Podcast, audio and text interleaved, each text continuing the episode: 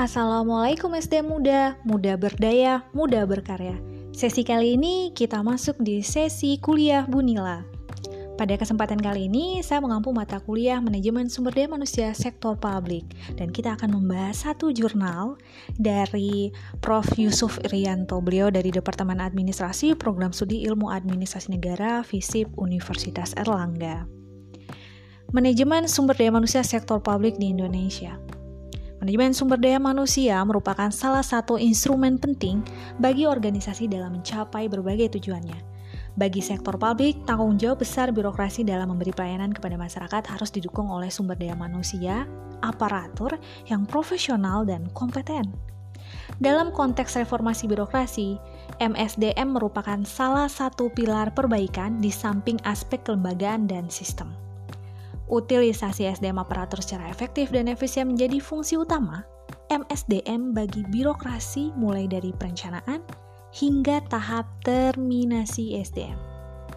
Sebagaimana terdapat dalam berbagai literatur manajemen, pencapaian tujuan organisasi secara manajerial diawali dengan fungsi perencanaan. Ini menurut Ivancevich atau 2004-66-87. Keterlibatan aparatur dalam perencanaan memiliki peran signifikan terutama berkaitan dengan sikap dan perilakunya.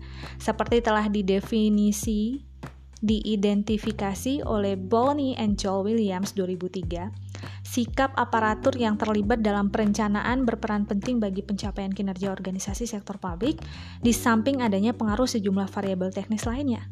Jika dalam tahap perencanaan SDM bermutu memiliki peran penting dalam mencapai target yang ditetapkan, maka proses manajerial birokrasi selanjutnya dalam bentuk pengarahan, pelaksanaan, dan evaluasi pun harus didukung oleh aparat yang bermutu. Oke, dalam konteks yang demikian itulah MSDM mendapat tantangan untuk menjawab masalah peningkatan mutu aparat. Hingga saat ini, mutu aparat birokrasi dalam memberikan pelayanan publik di Indonesia masih menjadi persoalan yang sangat serius. Masyarakat sebagai pengguna layanan birokrasi acap kali mengeluhkan mutu aparat dalam menjalankan fungsinya. Berbagai bentuk keluhan muncul mulai dari proses pelayanan, waktu yang dibutuhkan dalam penyelesaian urusan, sikap dan perilaku aparat, hingga berkaitan dengan kualitas hasil layanan. Permasalahan serius yang tak kunjung teratasi tersebut pada akhirnya memposisikan Indonesia sebagai negara yang tidak kondusif bagi pelayanan publik. Peran MSDM di sektor publik menjadi sangat kritis dan berbeda kondisinya dengan sektor privat. Secara historis, konsep-konsep yang berkembang dalam MSDM memang berawal dari kegiatan usaha sektor privat. Bagi perusahaan, MSDM tidak hanya sekedar merupakan instrumen utilisasi pegawai. MSDM di sektor privat sebagaimana dikatakan Stewart and Caligiuri 1998 sekaligus merupakan sumber kekuatan bagi perusahaan dalam mencapai keunggulan bersaing di era global seperti saat ini. MSDM dapat berfungsi secara efektif di sektor privat, sementara tidak demikian halnya di sektor publik. Salah satu faktor penentu efektivitas MSDM berkaitan dengan budaya organisasi sektor privat yang sangat kontras dengan sektor publik.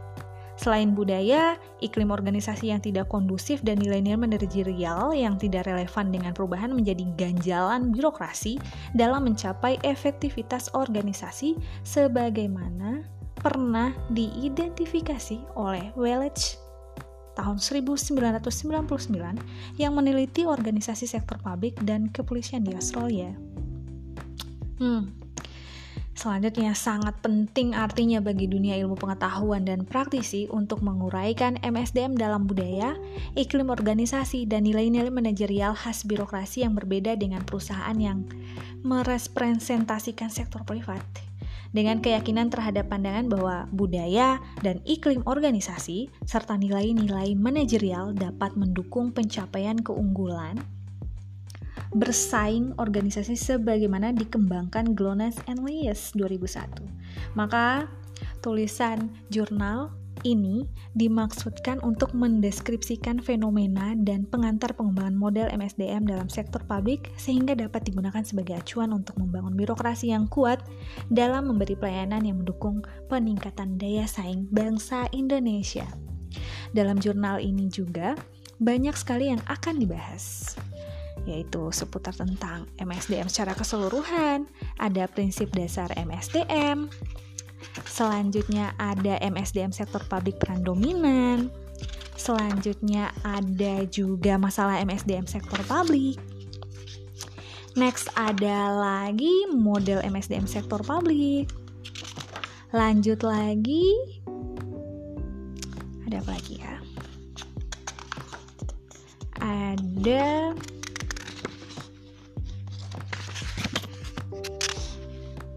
konstruksi model MSDM sektor publik. Ada bagan model hipotesis MSDM sektor publik diadaptasi dari Wei and Johnson.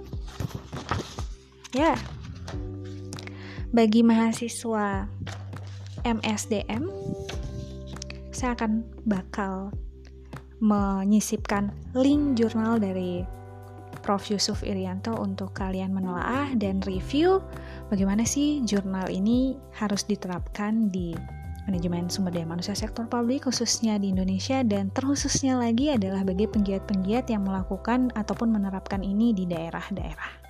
Oke, terima kasih banyak. Selamat kuliah. Bye, SDM Muda.